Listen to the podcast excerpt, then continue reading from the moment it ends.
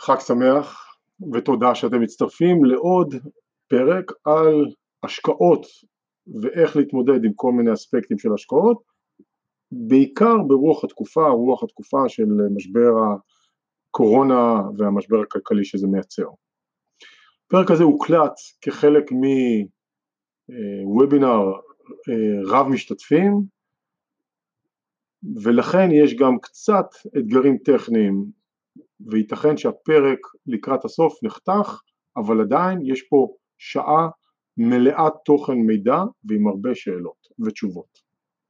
מקווה שתהנו, מקווה שתרוויחו ותרוויחו ותפיקו וכמובן אתם מוזמנים ליצור איתנו קשר על מנת לראות איך אנחנו יכולים לסייע לכם בהשקעות נדל"ן גם בימים אלו עם משבר מרחף מעל.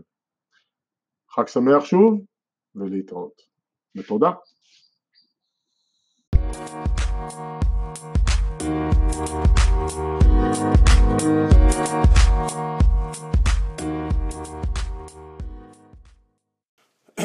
אז ככה, אמ, אנחנו הולכים לדבר היום אמ, על מה עושים כשאנחנו תקועים. אני מדבר על תקיעות, אפשר להתייחס לזה באופן כללי ובאופן נקודתי לרוח, ה, לרוח התקופה. אמ, בוא, בוא, בוא ככה ניתן עוד איזשהו אה, אה, ככה overview כללי על מה שקורה היום בארצות הברית. אה, האמת היא שאני לא יודע להגיד לכם חד משמעית מה קורה בדיוק מבחינת הנדל"ן. הדברים עדיין זזים ומתבשלים ומתחילות, קודם כל ממשלת ארה"ב מתחילה או אמרה שתתחיל להעביר כסף לאזרחים שזה בעיניי דבר הרבה יותר טוב ממה שעשו ב-2008 אני לתוך המשבר של 2008 כבר הייתי לא מעט נכסים שלי והם בטח באזור סדר גודל של לפחות אלף עסקאות שליוויתי אה, עד לאותה תקופה אז יצא לי להיות בעין הסערה של המשבר של 2008 וזה לימד אותי המון. התחושה שלי של המשבר של 2008 היא שנכנסתי משקיע מנוסה, יצאתי משקיע אה, אה, הרבה, יותר, אה, אה, הרבה יותר טוב מכל הבחינות. אני אחרי המשבר של 2008 לקחתי את העסק שלי, מחקתי אותו כמו שהתנהלתי קודם ובניתי אותו מאפס, מכל הבחינות, כל האספקטים. ואני פשוט חייב להגיד שאני מסתכל על עצמי, על דני של 2004, 5, 6, 7 ואומר לעצמי איך יכול להיות שככה היית מקבל החלטות? ובוודאי לא היו החלטות טובות אבל לא מספיק טובות. היום כל המערכת עובדת אחרת מבחינת קבלת החלטות, בדיקות, עניינים. ועוד יותר מדהים אותי שאני רואה גופים שהתנהלו בצורה מסוימת והייתי אומר אפילו חובבנית לפני המשבר והם עדיין מתנהלים ככה. וזה די מדהים אותי אה, אה, כל פעם מחדש אבל מה לעשות. אה, אז המשבר של 2008 בהחלט מחנך מהרבה בחינות, אבל להגיד האם אני יכול להביא מסקנות מהמשבר של 2008 ולהשליך אותם לאן שאנחנו הולכים עכשיו, התשובה היא אני לא יכול, אני לא יודע. השאלה הכי גדולה פה זה איך, זה בעצם שתי השאלות הכי גדולות, מה תהיה התנהגות ההמונים, איך אנשים יתנהלו מצד אחד וגם איך הרגולציה, הממשלות, הממשלות זה הפדרל מה שנקרא ארה"ב ככלל ועדיין יש פה רזולוציה של לפחות ברמת המדינה. זאת אומרת יכולות להתקבל החלטות ברמת קליפורניה ששונות ב, מ, נגיד מ... לא יודע ממיסיסיפי לדוגמה או מאלינוי. עכשיו הדברים האלו נגזרים גם לשכרי דירה וגם למשכנתאות וגם ל foreclosures וגם ל evictions וכל מיני דברים מהסוג הזה. זאת אומרת הם יכולים להיות דומים בנקודה מסוימת ושונים בנקודה אחרת אז אנחנו עוד לא יודעים כל הדברים האלו קורים כבר מתחילים לצאת אה, אה, דברים כגון אה, כגון בקליפורניה הולכים לעשות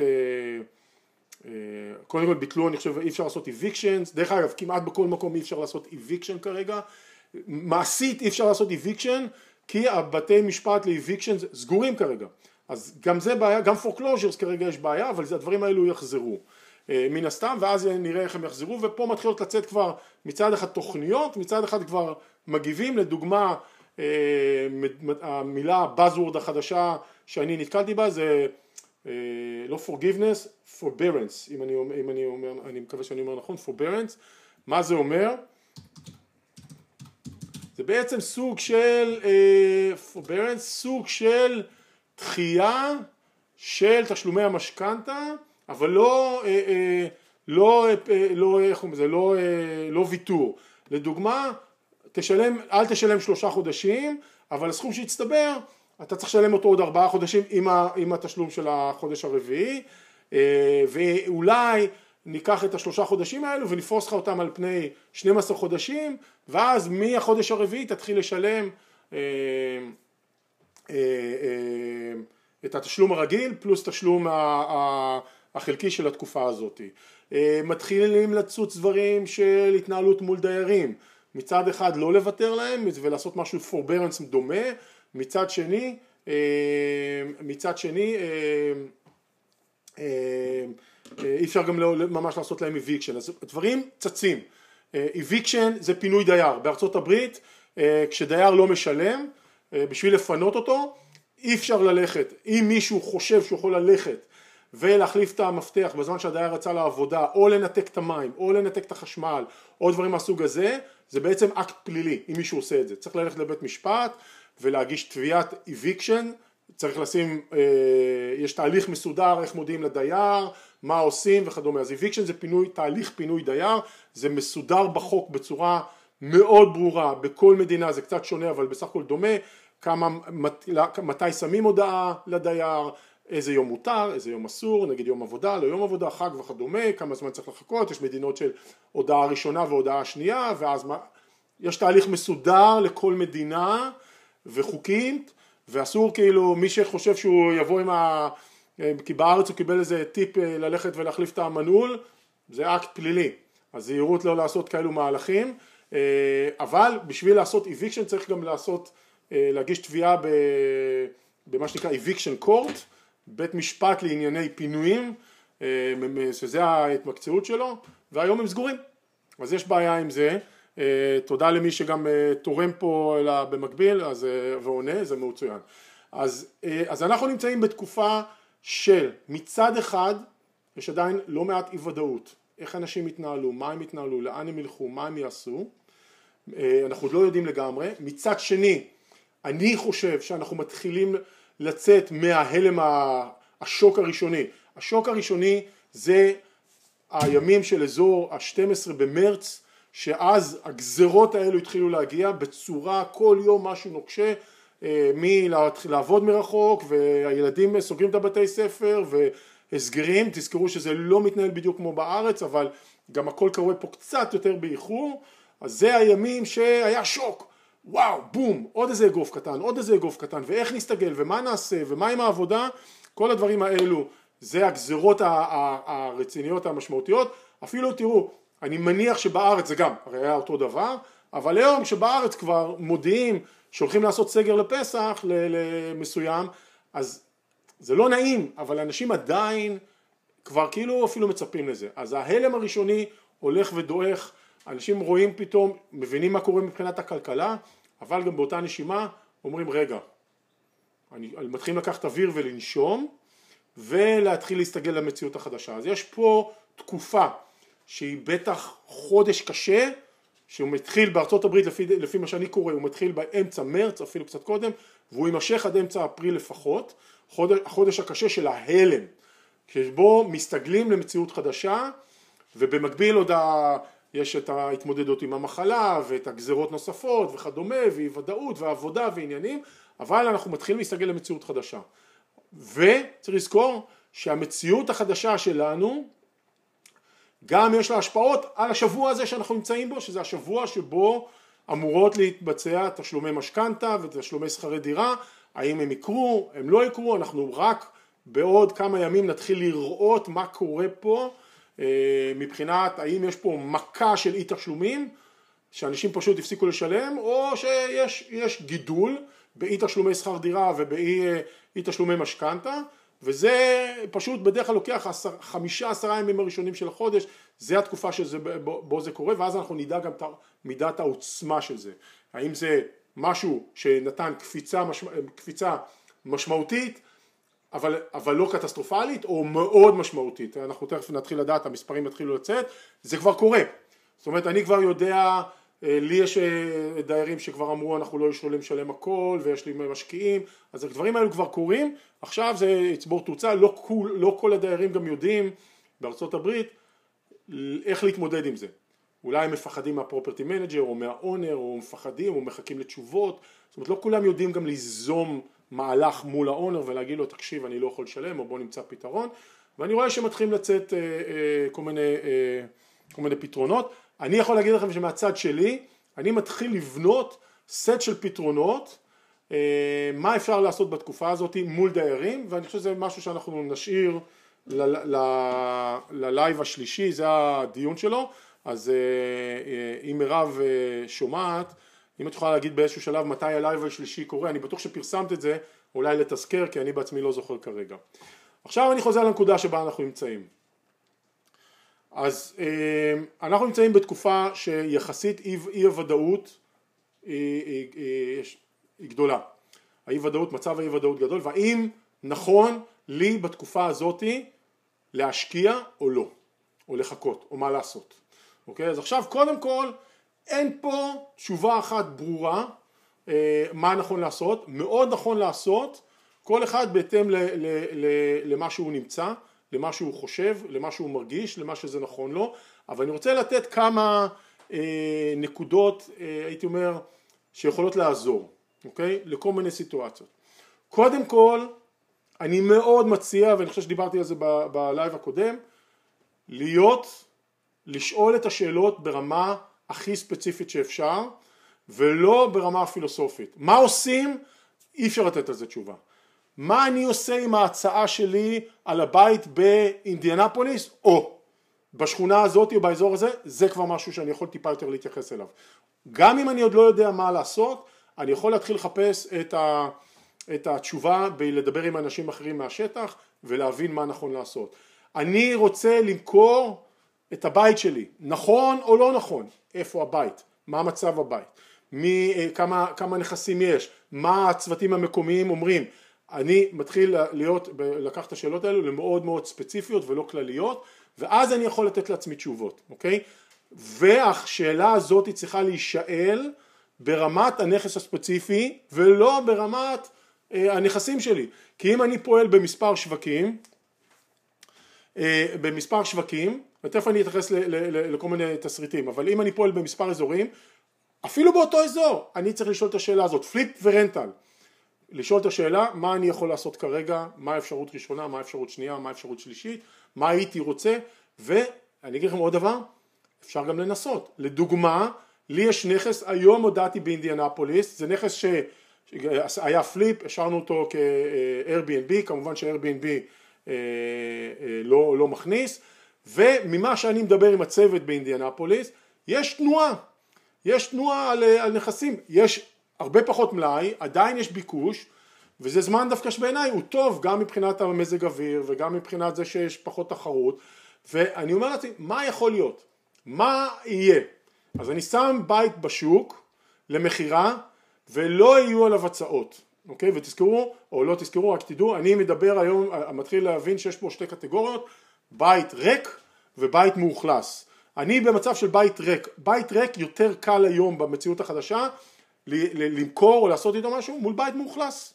דיירים או אונר לא רוצים אנשים בבית, כן רוצים אנשים בבית, לא, כן, בעייתי, מובן, יש לי יתרון, בית אה, ריק, קל לי לתזמן ביקורים, להראות אותו, אה, לנקות אותו, הדברים האלו, אז זה קל. אז, אה, אז עוד פעם תשימו לב, שאלה ספציפית, האם הבית שלי ריק או בית שלי מאוכלס? והאם אני יכול לטפל בסיטואציה הזאת בהתאם לכל אחת מהן, לדוגמה. אז, אה, אה, אז השאלה של, של מה לעשות צריכה להיות ברזולוציה הספציפית של המקרה הספציפי לכל דבר, קונים, מוכרים, הכל, תשאלו את השאלות כמה שיותר ספציפיות ולא כמה שיותר כלליות. אם אתם נמצאים בנקודת ההתחלה ואתם עכשיו מאוד אפילו חוששים, אי ודאות גדולה, הגיוני, הדבר הכי טוב שאתם יכולים לעשות, לדעתי, אם אתם לא מוכנים להתחיל אה, אה, לקנות, היא להיערך לרכישה בצורה הכי טובה. זאת אומרת, תשקיעו בצד האקדמי אם צריך עוד לחזק דברים, זה זמן טוב. תשקיעו באולי לאתר את השוק ואת הצוות שאיתו תעבדו, אוקיי? ותביאו את עצמכם למקום הכי קרוב שאתם יכולים להשקיע. הדבר האידיאלי בעיניי זה שתהיו מוכנים או אפילו תגישו הצעה על נכס, אפילו תהיו אגרסיביים ביותר ברמה שאין סיכוי שיקבלו את זה. אם אתם תגישו הצעה אחת לפחות או שתיים לפחות שהסיכוי שלא יקבלו, מראש אני אומר משהו מטורף, שלא יקבלו אותו, זה יביא אתכם למקום שאתם הכי בשלים ומוכנים מבחינת התהליך ומבחינת החשיבה של להיות מוכנים למצב שבו השוק קצת משתנה, אוקיי? אני יש לי משקיע חדש אתמול דיברנו וזו התוכנית אמרתי לו אנחנו הולכים מה ש... הוא אומר לי אז מה עושים עכשיו? אמרתי לו אנחנו נעשה כל מה שאנחנו יכולים כדי שאתה תגיש הצעה אני יודע כבר אה, אה, מהניסיון שלי הרבה פעמים המחסום הגדול הראשון שיש למשקיעים שכבר בתהליך זה להגיש את ההצעה הראשונה. בוא נשבור אותו. בוא נשבור אותו. ואם ההצעה הראשונה שלכם תתקבל מה שהסיכוי קלוש שיחקתם אותה. שיחקתם אותה, הרי לא יכול להיות, נכון? לא, אה, אה, אז, אז תעשו את זה בצורה הזאת, תגיעו למקום הזה, כדי, כי אם אתם תביאו את עצמכם לנקודה הזאת, גם אם אתם לא הולכים לקנות, אתם תהיו הכי בשלים ומוכנים. והתהליך וה, שאתם תעברו כדי להגיע לנקודה הזאת יעזור לכם הרבה מאוד, יבגר אתכם מבחינת איפה שאתם נמצאים כמשקיעים, ובמקביל תחזקו את הידע, אזורים, צוותים, זמן נהדר למי שעוד לא מוכן להשקיע, לחזק את, ה, את הידע. למי שכן מוכן להשקיע, הייתי אומר, אם אתם רוצים להגיש הצעות, בוא, תהיו קצת יותר אגרסיביים בהצעה, תשקפו את תקופת אי הוודאות בהצעה שלכם ותהיו סבלנים. תזכרו שמצד אחד יש אזורים בארצות הברית שנכנסו לתקופה הזאת של המשבר עם ביקושים גבוהים והיצעים נמוכים. אז יכול להיות שעכשיו השוק עוד לא ממש הבין איפה הדברים עומדים או מה קורה והשוק עוד לא ממש אה, מגיב לזה בירידות מחירים או, או דברים מהסוג הזה אז לא בטוח ש, שמה שאנחנו חושבים כמשקיעים בואנה יש אי ודאות וכל מיני דברים ועניינים וזה בוא נגיש הצעה אם בטוח יקחו את זה? לא בטוח. לא בטוח. אז אה, אני מציע אה, להיות במקום של אה, לקבל, אה, לקבל אה, הצעות, להביא את עצמכם למקום של הצעה מי שמביא את עצמו במקום של הצעה סביר להניח שהוא עשה את כל עבודת ההכנה, צוות, שוק, אזור, ניתוח עסקה בצורה הכי טובה ואתם מבשילים את עצמכם. עכשיו, זאת אומרת, אם אתם לא בטוחים תשקיעו בלימוד ובהכנה, אם אתם רוצים להתקדם אבל להפוך את זה למעשי ולא תיאורטי תגישו הצעות מגוחכות אבל תגישו אם אתם, אה, אה, אם אתם אה, נמצאים כבר בתקופה שאתם מגישים ובסדר וככה מתלבטים מה לעשות אז הדבר הכי נכון לעשות אולי איזשהו לפחות לעת עתה אם אתם רוצים לקנות עוד תנסו לעשות איזשהו לתת עוד איזושהי הנחה ברוח התקופה כדי להגן על עצמכם אבל תמיד תזכרו שכאילו מה, המשבר, גם המשבר הזה ייגמר, זה ייגמר, וגם המשבר הזה אה, נצא ממנו כמו שיצאנו מדברים אחרים, ואני חושב שאחד הדברים הטובים זה אם זוכרים את זה ומבינים שנדל"ן לאורך זמן שומר על עצמו, בעיקר אם קונים נדל"ן בצורה נכונה, אה, מגן על עצמו על חשיפות נקד... לאורך זמן הוא מגן על עצמו מחשיפות נקודתיות, אז העסקה שלכם תהיה אה, יותר אה, אה, תהיה בסדר לאורך זמן, יכול להיות שצריך קצת הלך רוח לעניין. עכשיו דבר נוסף שאני ממליץ לעשות למישהו כבר או עומד להציע הצעה או, או, או, או מגיש בימים אלו זה פשוט תחשבו גם על תוכנית גיבוי מה קורה אם מה שתכננתם לעשות עם הנכס לא יוצא לפועל פליפ נתקע מה אפשר לעשות? לשים כרנטל. rental נתקע, נתקע, אולי אפשר לעשות Airbnb אם זה יחזור במקום הזה, אני לא יודע. אני אומר את זה כי יש, יש פה עניין, בלי שום קשר מה קורה ל-Airbnb, אה, יש פה עניין של רגולציה. יש אזורים שה-Airbnb מאפשרים לו לפעול ויש אזורים שלא. אז אני מסתכל, מסתכלים קצת על היום שאחרי. למכור את הבית ב seller financing בתור מוכר, אפשרות, אני, עוד פעם לא כל אפשרות ב' זה משהו שאנחנו רוצים אבל זה לא עושה את זה למשהו שהוא בלתי אפשרי אז כל הדברים האלו הם, הם אפשריים, אני בטוח שיש עוד, אני רק נוגע ככה, ב, ב, ככה ב, בנקודה כללית. אז תמיד תנסו לייצר מה שנקרא פלן A ואז פלן B, פלן C, פלן D אם אתם יכולים. אחד הדברים שאני, כמה שאני יודע ותקנו אותי אם אני טועה, זה שבפרויקט X מאוד עובדים בקבוצות ויש ככה מה שנקרא קולגות שאפשר להתלבט איתם ולחשוב איתם. זה דבר לא רע בכלל. אז אתם אפשר ללמוד מה אחרים עשו ומה עבד להם ואיזה רעיונות הם הביאו וליישם. אז בהחלט משהו שהוא אה, עומד לרשותכם. אז לסכם וניקח שאלות ככה. אה, הדברים העיקריים. להיות ספציפי עם השאלות מה לעשות עם הבית הזה או מה לעשות עם הבית ההוא? האם לקנות את הבית הזה או לקנות את הבית ההוא? אה, זה אחד. אז להיות ספציפי ולא מה עושים. לא להיכנס למילת השוק. דבר שני לתכנן אה, אה, אם לא, עוד לא מוכנים לבצע השקעות, להשקיע בצד הפן הלימודי או התשתיתי של, של העסק שלכם, צוותים, אזורים וכדומה, עם שאיפה להגיע כמה שיותר למצב שמגישים הצעות, ואני מציע לכם, למי שעוד לא הגיש, תגישו. תעשו את השפשוף הזה, תשברו את המחסום הזה, זה יעזור לכם, גם אם לא יתקבלו, זה בסדר גמור. דרך אגב, מי שהגיש הצעה ולא קיבלו אותה, יש לי חדשות בשבילכם. הבית לא היה שלכם גם לפני ההצעה, אז לא השתנה כלום. מי ש... אה, לעשות פלן A, פלן B, פלן C וכדומה ובאמת ליצור את ה, אולי את הקבוצה אם אין לכם ואם יש לכם אז נהדר של סביבת העבודה המיידית כדי לעזור לקבל את, ה, את ההחלטות. דרך אגב מישהו בשוק ולא יודע ומפחד לא קרה כלום. סבלנות. אז תחכו עוד חודש, עוד חודשיים, עוד חצי שנה, אני אגלה לכם סוד, הנדל"ן חיכה לכם כמה חודשים, הוא יחכה עוד קצת. אז מי שלגמרי בהלם, זה אה, בהחלט משהו שגם ש... אה, אה, אפשרות. אני בגישה של להיות טיפה יותר, לא, לא להיכנס לשוק, אלא להיכנס למצב של כקונה להגיש הצעות ולהיות טיפה יותר אגרסיבי, להבין שזה ייקח קצת זמן, ולמי שמוכר לראות לשים, אני הרבה בלייב הקודם עלה יש לי בית, כן למכור, לא למכור, אני שם עכשיו הודעתי לסוכן שיוציא בית אחד למכירה, לא יודע, אני יכול עד מחר לעשות ספקולציות, כן יהיו קונים, לא יהיו קונים, כן נעשה, אני לא, אין לי מושג, אין לי מושג, אבל אם אני אשים את הבית, נדע, נדע, נבין יותר טוב, מה הפסדתי? חודש, חודשיים שהבית עומד בשוק? אני מוכן לספוג את ה-days on market. אוקיי, אז בואו ניקח שאלות אם, אה, אם יש.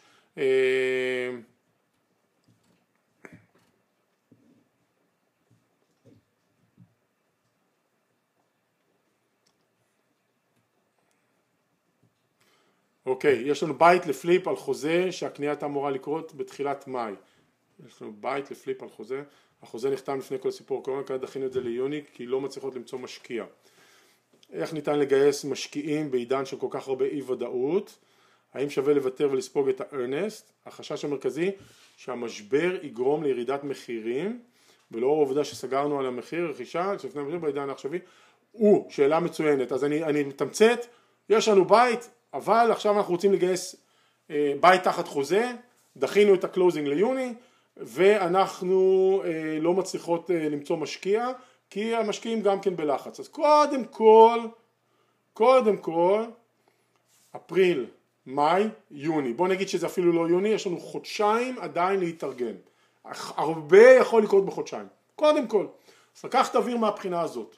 עכשיו מה שאני הייתי מנסה זה אולי, קודם כל הייתי מנסה לדחות את זה כמה שיותר מהר, כמה שיותר מהר, אה, סליחה, כמה שיותר רחוק, כי עכשיו כולם בלחץ. עוד שנייה ירימו את הראש לאוויר, ועוד טיפה אוויר, וטיפה ינשמו, ופיתה נבין, יכול להיות שכל השיחה הזאת במהלך מאי תהיה הרבה יותר נינוחה באופן יחסי. אז אם אפשר כמה שיותר, אני לא אומר לעצור את עבודת השיווק של הבית, אבל אה, לעשות את זה אה, אה, כמה שיותר מאוחר יותר טוב. מה שאני הייתי עושה במצב כזה, הייתי. מנסה לייצר מספר אה, אפיקים. אחד, בודק אפשרות של מימון עם, נגיד עם hard money loan, אוקיי? רגע, סליחה, השם הוא חסוי, מותר לשאול כמה earnest money פה, כמה הסיכון, אוקיי? אם אפשר, אבל בוא נגיד שה-earnest money הוא משמעותי ואנחנו לא רוצים לאבד אותו, בסדר? אחד, hard money loan, לנסות לקבל מימון, דרך אגב כל המימון היום עדיין קשה, אבל גם זה ישתחרר עוד מעט, אז זה אחד. שתיים, אולי ה owner מוכן לעשות seller financing, לפנות אליו, להגיד לו, תשמע, קורונה, עניינים, בלאגנים, אנחנו עדיין רוצים, בלה בלה בלה, האם, האם יש מצב לעשות את זה? אפשרות. אה, אה, אה, שלוש, לאבד את ה-earnest money, זה גם אפשרות במקרה הכי גרוע. ארבע, ללכת למשקיע, למשקיעים, ולהציע להם להמתיק את העסקה. רגע, תראו, בואו נעשה ככה, קודם כל אתם מקבלים על ההשקעה חמישה אחוז, בסדר? ראשון, ואחרי זה על ההחזר, ואחרי זה ככה, ואיזה משהו מנגנון שמצד אחד לא סיבכנו לנו את החיים, לכם, ומצד שני המתקנו את זה לעסקה, ואם יש לכם, אה, אה, אם יש לכם משקיע או משקיעים שאתם כבר עובדים איתם, אה, תציעו להם, תגידו להם בוא, בוא, בוא, כאילו דברו איתם, תגיד, תשמעו מה הם אומרים, זה המצב, אני רוצה להתייעץ איתך, לא, לא, מה אתה אומר, איך היית עושה את העסקה הזאת? הרבה יגידו לא, זה בסדר, תגידו בסדר, אני מבינה, אני לא בא אליך שתשקיע, אני רוצה לדעת איך אני, כדאי לי להתארגן מול הבחור ההוא, רוצה להתייעץ איתך, לשמוע מה אתה אומר, איך היית עושה את העסקה הזאת. בוא נגיד שאולי יבוא משקיע ויגיד, את יודעת מה, אני מוכן לעשות כזה דבר. במצב של לא יודע מה, אנחנו מחליפים את ה equity שלי בהלוואה. זאת אומרת ה equity שלי הופך להיות הלוואה לפי תשעה אחוז שנתי ואז אני מגן על האינטרס שלי. סתם לדוגמה, אני עושה איזשהו מנגנון שהוא קצת מורכב, לא עשיתי אותו אף פעם ברמה אישית, אבל אולי משקיע יבוא ויגיד וואלה, מתאים לי, מתאים לי, אה, כי אני בעצם מגן על עצמי. אז אה, את יכולה להגיד לו גם אה, אם אנחנו עושים את זה ככה, אז אני גם רוצה להיות זאת שמחליטה שגם לי יש את האפשרות לשנות את המנגנון, ואז תגידי וואלה, שמרתי לעצמי פוזיציה שאם עשיתי הרבה כסף, הימרתי אותו להלוואה, או לא, לא יודע, את, משהו ככה לחשוב עליו. אז אולי לדבר עם משקיע או שניים, לחשוב איתם ביחד מה יכול להיות אה, מנגנון מתאים, וגם עם ההוא שלא רוצה, ללכת עם אותו רעיון למישהו אחר, אוקיי? ולשאול אותו ולהתייעץ איתו. אז, אה, ולא לפחד לאבד, אני לא אומר שזה משהו שמישהו רוצה, לא לפחד לאבד את הכסף, כי זה בעצם יקוזז בעסקאות עתידיות. אז רק שם את זה פה כאיזשהו... אה, אה, אה, כאופציה, אוקיי. אה, איפה אנחנו? אוקיי, שאלות? שאלה הבאה, אני יודע שיש לי פה תמיכה טכנית.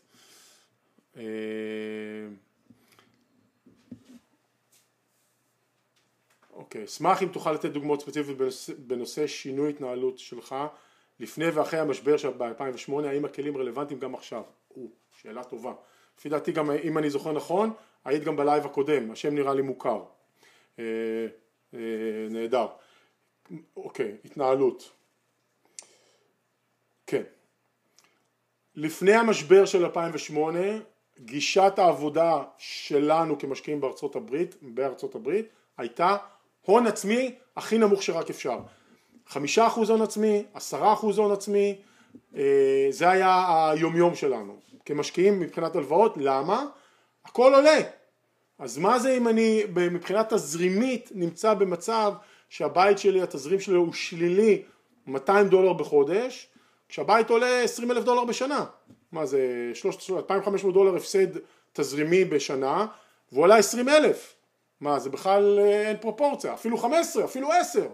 זה היה הלך רוח הגישה. אה, אני אה, בראייה לאחור, טעות. למה? כי כשעוש... כשבית מראש נמצא בתזרים מזומנים שלילי, אוקיי? תזרים מזומנים שלילי, זה אומר שכל חודש אני צריך להביא כסף מהכיס ולהכניס, ל, ל, ל, לסגור את הפער, כל חודש. עכשיו, כשמרוויחים אלפי דולרים בחודש, אה, אלפ, אלפים רבים, קל. בית אחד, שניים, עשרה, מה... שטויות. זה גם סוג של הטבת מס. מה קורה שההכנסות מצטמצמות ופתאום להביא את ה-200 אה, דולר האלו לכפול 20 ומשהו בתים, הופה, זה כבר סיפור אחר. אז פה אני הבנתי שנוצרה חשיפה בין הפורטפוליו שלי ושל המשקיעים שלי אה, למצב הפיננסי שלי. אז הדבר הראשון אמרתי צריך לחתוך. אני היום, מה שאני מלמד משקיעים ועובד איתם זה תמיד לשים 20 או 25 אחוז הון עצמי, תזכור אני עובד הרבה עם אמריקאים, משכנתאות זה לחם חוקנו, דרך אגב יש גם משכנתאות לישראלים, אני לא יודע אם אנשים אה, מודעים לזה, יש משכנתאות בארצות הברית לישראלים, לא ניכנס לזה עכשיו, אה, ואנחנו שמים הון עצמי טיפה יותר גבוה, השאיפה היא, אחד הדברים הראשונים, שכל בית מייצר תזרים מזומנים חיובי.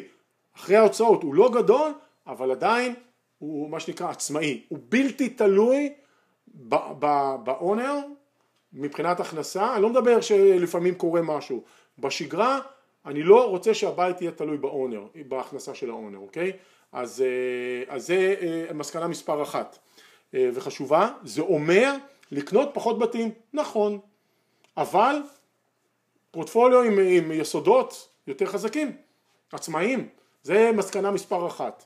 מסקנה מספר שתיים היה כל הנושא של ניתוח עסקה ממשהו מאוד שטחי למשהו הרבה יותר מעמיק. אני היום יש לי אקסל שהיום, אני ייצרתי אותו, אנחנו כבר בגרסה חמש שלו, ארבע או חמש שלו, כבר, כבר כמעט עשר שנים אה, שאנחנו משתמשים באותו אקסל, והוא הפך להיות הנורמה לתוכנית עסקית, לניתוח עסקה, אה, אני קורא לזה תוכנית עסקית, לשלושים שנה הבאות, עם כל ההנחות ואז יש פה, מסקנה השנייה הייתה א' לייצר כלי כזה שהוא כלי אה, טוב וב' לדעת איך לעבוד עם הכלי הזה בצורה נכונה זאת אומרת הגישה היא בוא נהיה אה, אה, אני קורא לזה אה, case scenario של ניתוח עסקה עם נטייה לשמרנות. זאת אומרת אם אנחנו משקיעים ואנחנו תמיד חושבים אני, אני, אני גם שמעתי את זה הרבה כשהייתי יותר צעיר כמשקיע, גם בגיל, זה הולך אחד עם השני, הרבה פעמים אני מנתח עסקה ב-Worst case scenario, אוקיי, אני אגלה לכם סוד, גם אני ניתחתי עסקאות ב-Worst case scenario, מה קורה כשמנתחים עסקאות ב-Worst case scenario? מקבלים את ה-Worst case, יש לי בית קברות מלא עסקאות שלא עשיתי והיו יכולות להיות נהדרות כי ניתחתי אותן לפי ה-Worst case, לא יקרה כלום, אני לא אעשה כלום. עכשיו אני כמובן לא יכול לעשות best case נכון? אז מה שאני החלטתי אני עושה ריאליסטיק אני מנסה להביא את הנתונים ואת המספרים בצורה הכי מדויקת שאני יכול. כשאני לא בטוח אני הולך לכיוון של שמרנות. איפה שאני יכול אני זז לשמרנות אבל אני לא הולך ל-Worst case. ואז אני יכול לקבל החלטות ריאליסטיות אוקיי? על עסקאות ואני יכול להגיד לכם היום שאני מניח שהאקסל הזה אנחנו משתמשים בו להערכתי מ-2011 או 2012 זאת אומרת שמונה, תשע שנים. אה, ניתחו איתו כל הצוותים שלי, כל הסוכנים, כל, ה, כל המשקיעי נדל"ן שאני עובד איתם, כולם עובדים עם האקסל הזה. אה, אני, להערכתי ניתחו איתו היום, עד היום, אה, יש אנשים שגם לא קשורים אלינו שקנו אותו ו, ומשתמשים בו, אני, אני מניח שניתחו איתו 70 אלף עסקאות, אני לא יודע, רק אני עשיתי, השתמשתי בו לפחות 15 אלף פעם. רק אני. אני לא משתמש, בלי אקסל אני לא בודק כלום. אפשר לדבר איתי על תיאוריה וזה לא מעניין אותי. אני רוצה את המספרים ו, ולבדוק את, ה, את האקסל. אז uh, כלי כזה חשוב. עכשיו לא חייבים את האקסל שלי, אבל שיהיה לכם כלי טוב. זה אחד הדברים שאמרתי, אני רואה אנשים, uh, מלווי משקיעים מה שנקרא, שהדרך שבו הם מציגים או מנתחים את העסקה, אוי ואבוי. כואב לי הלב על המשקיעים שלא קונים את זה. מה עם vacancy, כאילו זה לא קיים, מה עם HOA, ועד שכונה, אה, כל מיני דברים שהם, מה, יהיה בסדר? בסדר, יהיה בסדר, אוקיי, אולי. לי זה לא, אני לא עובד ככה, אני רוצה ריאלי. אז, אה, אז כן, אז אה, בהחלט אה, זה היה הדבר השני, וחוץ מזה יצרתי למערכת שלי שנקראת Simply Do It, יצרתי תשתית עם המון סדר של צ'קליסטים ופרוססס ו-checks and balances בתוך המערכת, איך לנתח עסקה, לא רק פיננסית, על מה מסתכלים, איך עוברים, זאת אומרת יש איזשהו, יש תהליך מאוד מסודר, מאוד מובנה, הוא לא מושלם, אה, אבל, אבל הוא עובד טוב. איך, יש תהליך מסודר איך בודקים איש צוות חדש, סוכן, ואיך מכשירים אותו, ואיך מכניסים אותו לעבודה, ויש תהליך מאוד מסודר של איך בודקים חברת ניהול נכס ומוודאים שהיא בסדר ומכניסים אותה למהלך העבודה. ואיך משקיע עובר את התהליך איתנו ומה הוא עושה בשלב ראשון ומה הוא עושה בשלב שני ואיך בודקים עסקה ועל מה מסתכלים והכל אני מדבר זה או תהליכים פנים ארגוניים שלא יוצאים החוצה כן? כמו ההכשרה זיהוי והכשרה של חברות ניהול נכס וסוכנים או דברים שכן יוצאים החוצה למשקיע איך לנתח עסקה על מה להסתכל לא רק האקסל בכלל על מה לשים לב בכל שלב וכדומה. כל הדברים האלו נבנו בצורה מאוד מסודרת, מאוד מובנית, עם תהליכים, הכל בידיעה שאני מייצר פלטפורמה שהולכים לרוץ עליה הרבה אנשים, ועם כל התמיכה כמובן. אז חס וחלילה זה לא מושלם והכל לא עובד ויש בעיות וזה נדל"ן ודיירים ועניינים, כן, אבל אני לפעמים קורא, אה, אה, קורא גם אה, איך אנשים כל מיני בעיות שיש להם בכל מיני עסקאות ואני אומר לעצמי בחיים לא היה לי כזה דבר, אלפי נכסים, אני ליוויתי סדר גודל של 4,500 נכסים, יש לי כמה אירועים שהם כמעט, בהסתברות שהם כמעט אפס, שהם לא נעימים, אבל דיירים שהתנחלו בבית, לא דיירים, איך זה נקרא, יש לזה שם פה, כאלו שנכנסים לבית ומתבצרים בו, לא, לא דיירים יש לזה שם באנגלית, ברח לי השם, אולי מישהו זוכר. כל מיני סיפורים שזה, אני לא נתקל בזה. אה, למה? כי נעשה איזושהי מערכת, מערכת של, אה, אה, נבנתה איזושהי מערכת שתומכת בזה. אז הרבה, יש עוד, אבל אלו הדברים העיקריים, תודה על השאלה, שאלה מצוינת. שאלה הבאה, שאלה הבאה, האם בתקופה זו יש סיכון בריאב של 60K וצפונה? אני לא יודע להגיד לך. אמ, זה נראה לי בסופו של דבר זה לא, ה... זה לא, ה... לי 60K לא נשמע ריע בגד... אה, יקר, נשמע לי אה, יפה, לא זה, אבל אני לא יודע את הבית, לא יודע את האזור, אז קשה לי להגיד, זו שאלה כללית מדי, אה, חסרים פה עוד פרמטרים, זה לא, אי אפשר, זה לא, זה לא, זה פרמטר אחד בשלל ההחלטות. אז אה, סליחה שאני לא עונה בצורה מסודרת. אה, אהלן גיא, רק שנייה, אני אוודא פה שההקלטות עובדות כמו שצריך. אוקיי. אנחנו פעילים בפיטסבורג, יש לנו כרגע בית באמצע שיפוץ ובית שקנינו ממש לפני המשבר. בפסיבניה עצרו כרגע את כל עבודות הבנייה. השאלה מיד בתום המשבר נחזור לשיפוץ, אבל השאלה היא האם ועד כמה לתקן את התקציב, הרי עדיין לא נדע מה ההשפעה על השוק. נכון, גם אני לא יודע להגיד לך, אמ, אתה, אה, אני לא יודע אם היית על הלייב של ה flipים, זה הלייב הקודם, אני חושב שיש הקלטה, אה, אם לא, יש לי הקלטה בפודקאסט, אתה מוזמן להקשיב, אני חושב שהתייחסתי לדברים האלו, אה, זה חוזר לפלן B, פלן C, אני חושב, תראו, תמיד קורים דברים בכל מיני צורות, מצד אחד בעיה, מצד שני משהו צץ, לדוגמה, אם אנחנו נכנסים למשבר, יש מצב שענף הבנייה, שהוא כבר חווה, ענף הבנייה חווה, construction אה, אה, במילה רחבה, חווה אה, אתגרים, סביר להניח שיהיה עוד מעט כוח אדם יותר זמין וירצו יותר עבודה ואז זה גם עלול להוזיל את, חומר, את העלויות הכוח אדם אמור אולי לא את עלויות חומר הגלם אבל את עלויות כוח אדם. ואז ייתן לך איזשהו יתרון. אני מקווה, אני עוד לא ממש רואה את זה אבל אני חושב שזה הולך להגיע לפי כל הסימנים. אה, אלא אם כן, תראו בשוק שעצרו הכל כמו שאתה אומר שאתה לא הראשון שמספר על, על פנסילבניה זה יהיה בעייתי כי ברגע שישחררו את זה זה ייצור כמו ואקום, וום, אתה יודע כמו אחרי אה, סערה אה, וזה לא טוב, זה חבל מאוד באזורים כמו למשל אינדיאנפוליס ושיקגו לא עצרו את ה construction לפחות לא בינתיים, אבל המון אנשים, השוק הגיב, מה זה השוק הגיב? המון אנשים שרצו לשפץ את השירותים שלהם, או את המקלחת, או את המטבח, והם חיים בבית, אמרו אני עכשיו אני, מה, מה אני הולך לשפץ? א', באים אליי הספקים, ב', העירייה קשה לעבוד איתה עכשיו, ג', אה, יש אי ודאות, אז כאילו פרויקטים כאלו נעצרו, זה אומר שהרבה אנשים בענף יכולים להמשיך לעבוד או על פרויקט שכבר היה בתוך כדי במילא, או על פרויקטים של פליפים, של בתים ריקים. ואז יש פה איזה, עדיין השוק לא קפא. פלסיב... פלסיבניה לפי דעתי, אני לא, לא יודע מה המצב שם, אבל זה בהחלט משהו שעלול להשפיע על השוק הזה, כי ברגע שישחררו את כולם לעבודה אז יהיה מבול. אז מה שבאינדיאנפוליס ושיקגו יכול להוות יתרון אה, מבחינת העלויות של הכוח אדם, בפנסילבניה יכול להוות אה, ממש המצב הפוך לגמרי.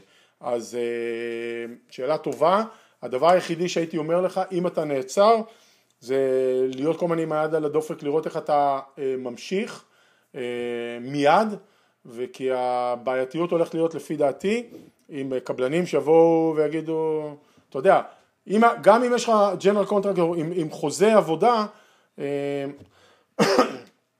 הקבלני משנה שלו, אם זה קבלני משנה, מי שהיום הוא תמחר את העבודה איתם ב-X, מחר אחרי שפותחים את הכל ויש בום רציני, אם יהיה, לא בטוח, אז אה, יכול להיות שזה יהיה עשרה אחוז או חמש עשרה אחוז אה, אה, יותר, ואז אותו, אותו תקציב יהיה בעייתי, אז יכול להיות שאתה צריך להיערך לסיטואציה כזאתי, כן, בעייתי, עלול להיות מאוד בעייתי. שאלה הבאה. שמתי הצעה להד, כמה הם מתגמשים במצב, אין לי מושג, אני לא יודע לענות על זה, מתנצל, אה, לא מתיימר להתמצא בכל תחום של הנדל"ן ואני עוד לא יודע מה, איך עד הד מתנהגים, אה, שאלה מעניינת. שאלה הבאה, יש לנו rental שיוצא עוד מעט לשוק להשכרה בברמינגהם אלבמה, עקב המצב, אה, עקב המצב, האם אתה רואה עדיפות להשכרה לדיירי section 8 על פני רגילים? לפי דעתי, אני לא רואה, התשובה היא לא בהכרח, אלא אה, בואו נראה, תראו, זה, זה, מה, מה נכון מבחינת האזור. אם אני מגיע למצב, לדעתי צריך להשכיר את הבית, לעשות את הבדיקות כמו שצריך. אם יגיע מישהו, ש, אה, שאולי אחד סקשן 8 ואחד רגיל, אז הייתי נותן לו תעדוף, כן. בסך הכל כן. אבל אה, צריך להגיע לפוזיציה הזאת קודם. כדי להיות מסוגל לקבל את ההחלטה הזאת, שזה פוזיציה טובה, זה אומר שיש לנו מולטיפול אופרס לצורך העניין, אז כן, אבל לא הייתי מכוון רק או רק או מונע או משהו כזה, אלא הייתי עכשיו מנסה להגיע ל... אה, לוודא שיש לי דיירים. תוכל להרחיב על הכלי הזה שפיתחת, איזה מידה הוא נותן לך, רלוונטי גם לפליפים. אה, הכלי שאני אה, פיתחתי הוא אקסל, שעושה ניתוח עסקאות rentals, לא flipים, יש אקסל אחר שמטפל בזה, אה, והוא לוקח, אה, האמת, מירב, אם את שומעת אותי, אתם רוצים לעשות וובינר או לייב נפרד לניתוח עסקאות, רלוונטי? אם זה רלוונטי אז אני לא ארחיב, ואם זה לא רלוונטי אז אני גם לא ארחיב, כי אין הרבה זמן, אבל תראה, הגישה היא איך לקחת את הנתונים, לאסוף אותם, לעשות הנחות, ובעצם אני מסתכל על זה ככה, האקסל שלי מתוכנן, הוא עושה ניתוח עסקה ל-30 שנה, ל-30 שנה, איך הנכס הזה הולך להתר... ל... ל... ל... איך הנכס הזה הולך להתנהג בשלושים שנה הבאות עם כל מיני הנחות, ש... אה, אה, הייתי אומר אה, זהירות אבל לא שמרניות ולא אופטימיות. ואז הוא גוזר ממוצעים נעים, איך ההתנהגות של הנכס בחמש שנים הראשונות, בעשר, חמש עשרה ועשרים, ומתוך זה אני יודע להסיק מסקנות. אז זה התשובה, אם מירב והצוות ירצו או אתם תבקשו, אני אשמח לעשות לייב על אה, ניתוח עסקאות בשימוש האקסל שלנו. אני גם לא רוצה להיכנס פה לטריטוריה של פרויקט איקס ולבלבל. אבי, אהלן, איך נכון להעריך ברמת ברמת סמך גבוהה את שיעור הווקנסי באזור נתון. וקנסי באזור נתון, אוקיי. אה, הדבר הכי נכון זה אולי לעשות הצלבת מידע של כמה אתרים שנותנים נתונים דמוגרפיים ואינדיקטורים על הדברים האלו כגון אה, אה, כגון Movoto, אני יכול לרשום, רואים אותי? אם אני רושם רואים? בואו נראה, private chat, איך אני רושם פה? אני לא יודע איך אני, רושם, אה, איך אני יכול לרשום, אני ארשום למירב.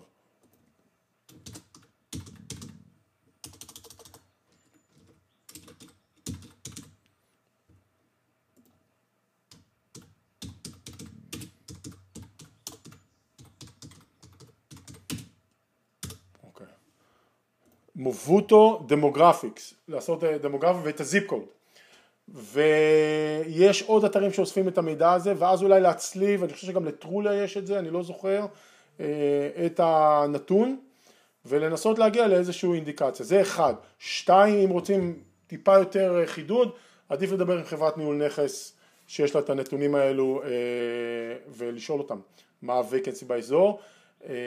בדרך כלל אין איסוף ממש אה, מדויק של, ה, של הנקודה הזאת. יש אתר, אני לא זוכר את שמו, שכן עושה ניתוח ומביא את הנתונים האלה בצורה טובה.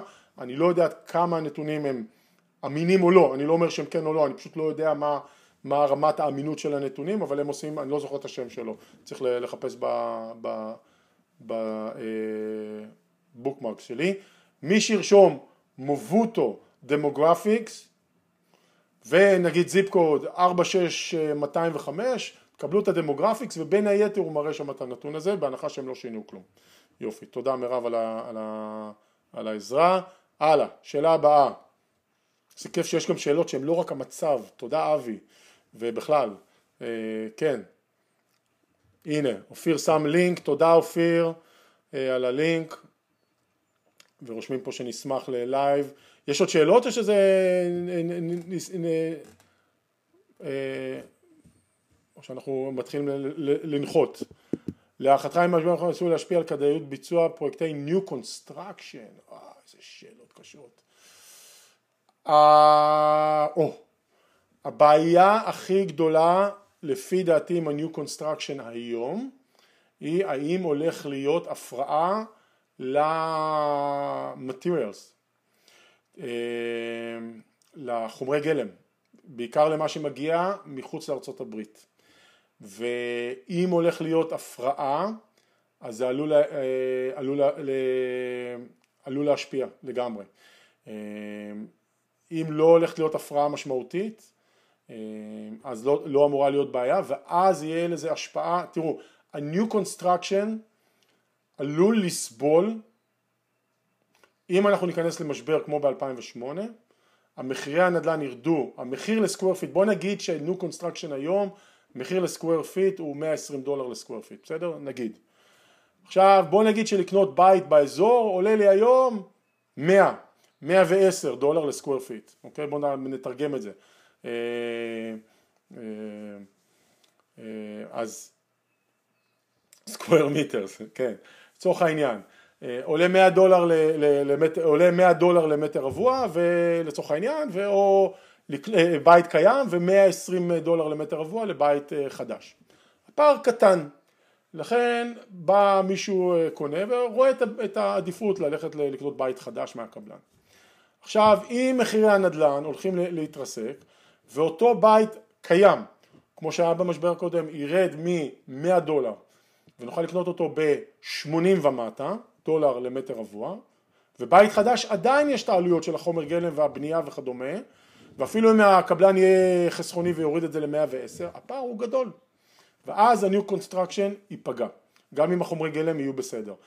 ולראיה, במשבר של 2008, תחום ה-new construction די נמחק, הוא לא נמחק לגמרי, אבל הוא הצטמצם בצורה משמעותית, כי הקבלן שבנה ב-100 דולר למטר רבוע לא יכול היה להתמודד בתחרות בבתים שממול מצד שני של הכביש בשכונה ממול שהם אפילו לפעמים בתים בני, של... בני שלוש. לא מדבר על בית בין אה, בית בין אה, אה, זה כך. בית בין, אה, בין אה, אה, 50 אפילו בית בן שלוש, והבית הזה עלה, עולה, עולה פתאום 50 דולר למטר רבוע. אז זה תחרות שהקבלן לא יכול להתמודד איתה. זה מה שקרה במשבר ודי השפיע על בנייה חדשה. דרך אגב, זה גם מה שגרם לעליות המחירים. למה? במהלך שנות המשבר ומה שבא אחריהם, בשנים שאחריהם, אוכלוסיית ארצות הברית לא הצטמצמה, היא גדלה. אם היא גדלה, הביקוש לבתים המשיך להיות. זאת אומרת, יש לנו, הביקושים עולים והמלאי ירד. למה המלאי ירד? א', כי רק, רק בשביל, רק הבנייה החדשה יכולה לשמור על, ה, על האיזון הזה, על היחס הזה. אבל היה גם foreclosures, אז בעצם יצאו הרבה מאוד נכסים מהשוק, ואז כמות הנכסים ירדה, והביקושים המשיכו לעלות. אז זה מה ש... הרי בסופו של דבר ביקוש והיצע. אז זה מה שגרם לחלק גדול מה, מה, מעליות מחירים. צריך לזכור שגם למשבר הזה אנחנו נכנסים באזורים מסוימים בהתנהגות דומה. נשוויל טנסי, ביקושים גבוהים, היצע נמוך כבר הרבה זמן. זאת אומרת לא נכנסנו לזה באיזשהו שוק אה, נורמלי נקרא לזה, אלא בפער גדול מלכתחילה. וצריך לזכור שאנחנו נכנסים למשבר הזה, שמצב הנדל"ן יחס, בארצות הברית יחסית טוב. מה זה אומר? המשכנתאות המשוגעות שהובילו למשבר של 2008 כבר, כבר די יצאו מהמערכת, זאת אומרת רוב המשכנתאות החדשות יותר חסינות, יותר אחראיות, הון עצמי יותר גבוה, פלוס המון המון המון טרנזקציות במזומן, כגון אתם, שנכנסתם בעשור האחרון וכמוכם מהרבה מקומות בעולם וארצות הברית וקנו במזומן המון, זאת אומרת השוק נמצא במקום יותר בריא וחסין, פלוס הכלכלה האמריקאית הייתה במקום טוב, זאת אומרת המשבר לא, המשבר הקורונה לא תפס את ארצות הברית במשבר כלכלי קשה, להפך, זה משהו שהוא טוב, לנו. אז, אה, אז ה-New Construction אני לא יודע להגיד, כי זה תלוי א', באם יהיה הפרעה ל-supply chain מה שנקרא, מבחינת חומרי גלם, או עד כמה תהיה הפרעה, ועד כמה, כי האמריקאים טובים גם מהר מאוד לסגור פערים, הכל קורה פה מספרים גדולים, מישהו אומר בואנה ברגים לא מגיעים מיפ... מסין, אוקיי, אני מקים מפעל ברגים, או אני מסב את המפעל ברגים שלי למפעל שלי לעשות ברגים, ו... כי הוא אומר, אני אשקיע בזה עכשיו מיליון דולר, שני מיליון דולר, יש לי הלוואות, או, או שלושה מיליון דולר, ויש לי פה ביקושים ואני מזהה את זה, זה יכול להיות. ובארצות הברית קל לעשות את השינויים, לא קל, אבל קל יותר, כי בן אדם אומר, וואלה, אני מבין שהולך להיות פה אה, הזדמנות. אה, אני מדבר על אותו supply chain.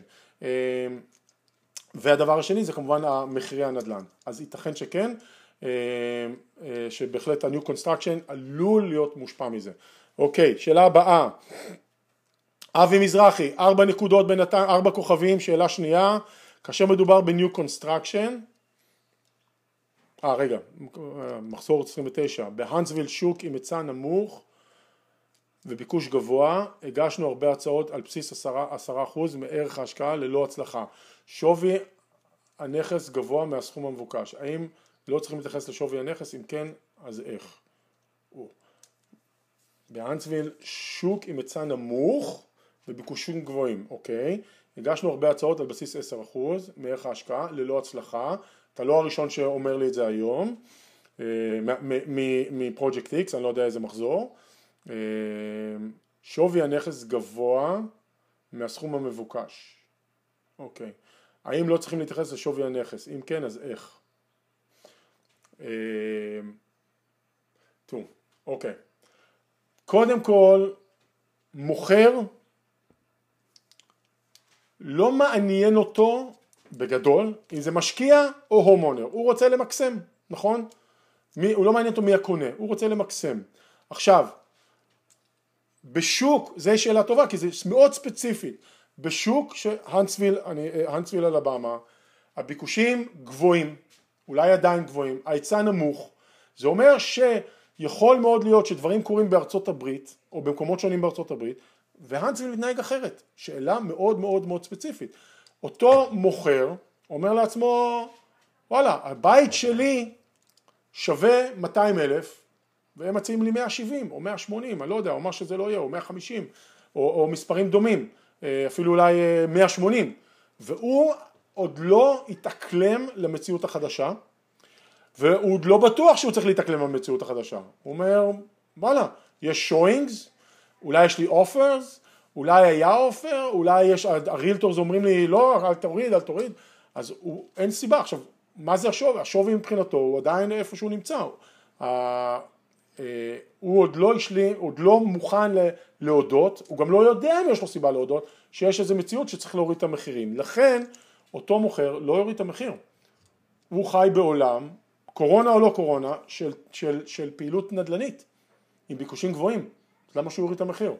אז uh, הצעות, uh, הרבה הצעות על בסיס עשרה אחוז, זה לא עובד, ברור, זה, לא יעבוד, זה, לא, זה ימשיך לא לעבוד עד שאו שתמצאו את הבית הזה, או שתעלו את ההצעה, או שיהיה איזה shift משמעותי בשוק. עכשיו shift משמעותי בשוק של האנטסוויל, לא בשוק ארצות הברית. כן, הלך הרוח בארצות הברית יכול להשפיע על השוק בהאנטסוויל, אבל כל עוד, כל עוד יש ביקושים בהאנטסוויל, ויכול להיות שיש סיבה טובה לזה, אז למה שאותו בן אדם ייתן לכם הנחה אם הוא יכול להיות סבלני? ומבחינתו הוא גם נכנס לקיץ, זה כאילו התקופה הטובה. אז, אה, אז אה, אני רק רוצה לחזק את, אה, את, את, את מי שכתב את זה, תמשיכו להגיש הצעות שנראות לכם נכונות עד שמשהו ייתפס, וסבלנות. יפה. האם אנחנו, האם אני מבין או נראה שאנחנו אה, לא מגיעות עוד שאלות. אה, אני אוסיף לך שאלות דני, רגע. מה? כן. אני אוסיף לך שאלות. בטח. אה, בכלל אנחנו אומרים לאנשים, אנחנו מדברים פה לאנשים בעיקר שעוד לא, נגיד שעוד בונים את הצוות והכל, אבל הכל חזק עכשיו, חדש גם לצוותים שנמצאים בשטח, נכון? סליחה? אז הכל חדש גם לצוותים שנמצאים בשטח. לגמרי. כמה באמת אתה עכשיו אה, ממליץ לאנשים, אה, נגיד מדברים עם מתווכים שאומרים אל תעלו, כן תעלו, זה יהיה המחיר, לא יהיה המחיר, אתה עושה אקסטרה, אה, אקסטרה בדיקות עכשיו על כל דבר, או ש... אני יודעת שיש לך כבר צוותים חזקים, אבל מה היית ממליץ למתחילים? הייתי ממליץ, קודם כל, קודם כל, לא, לא, לא לקבל תשובה אחת. לדבר עם כמה. אחד הדברים שאני ראיתי לאורך השנים שאני רואה את זה חוזר על עצמו אה, אנשים הרבה פעמים נותנים, קודם כל בארצות הברית הרבה, פעמים התשובה ניתנת אה, אה, כאיזושהי תשובה גורפת ולא מחייבת כי האמריקאים לא אוהבים לתת תשובות מדויקות הם אוהבים להיות כלליים ולא להתחייב לכלום תרבותית. בעיה? אז צריך לחלץ תשובה טובה קשה. קשה. צריך קצת skill טוב וצריך לדעת לשאול וצריך לדעת לשאול את זה נכון כי האמריקאי הרבה פעמים לא רוצה להגיד לך מה לעשות. שלא תבוא ותגיד לו אתה אמרת לי כן? מי היה מאמין? אבל ככה זה, ככה זה עובד.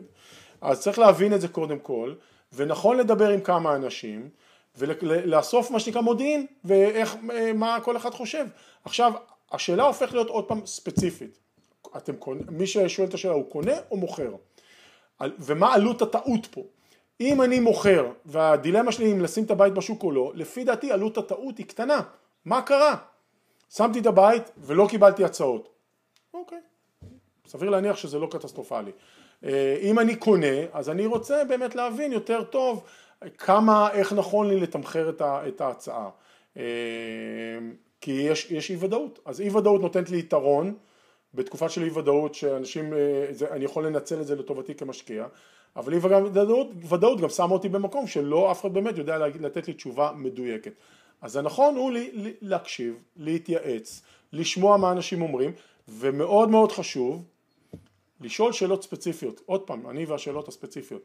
אז כמה, כמה זמן אתה סוכן, וכמה בתים מכרת, כמה בתים קנית או מעורב, וכמה בשנה האחרונה, בחצי שנה האחרונה, וכמה listing יש לך כרגע, וכמה listing pulled out וכדומה, אני יש לי כל מיני, גם אני מדבר עם אנשים שנותנים לי תשובות שונות, כל אחד עובר את החוויה הזאת באופן שונה, אה, צריך לזכור, מאוד מאוד, אני חוזר לנקודה הזאת, בית מאוכלס ובית ריק, שני מצבים שונים, הומונר, אינבסטור, זה, זה התנהגות שונה אז אה, לנסות לחפש את האנשים שקרובים אליכם מבחינת החתך זה ריאלטור שיש לו ניסיון בפליפים, זה ריאלטור באיתור או במכירה, זה ריאלטור שיש לו ניסיון ברנטלס, עבד עם משקיעים, לא עבד עם משקיעים, צריך לעשות, הקושי הגדול הוא לעשות זיקוק למידע ולדעת שמקבלים אותו במקור טוב. הרבה מאוד, אף סוכן נדל"ן לא יגיד לכם, ינדב לכם את המידע שהוא לא עשה אף טרנזקציה.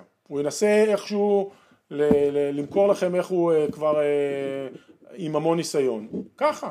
עד שלא, רק אם תשאלו שאלה מאוד ספציפית, כמה זמן אתה סוכן נדל"ן, או כמה עסקאות עשית, כאלו וכאלו, מאוד ישירה, בעדינות, יקבלו תשובה. אז זה חלק מה, מהעניין. אז, אה, אז השאלה הזאת, לעשות, לעשות את האיסוף מודיעין, אף אחד לא ממש יודע מה, מה קורה, כי הכל קורה עכשיו, אבל להבין יותר טוב.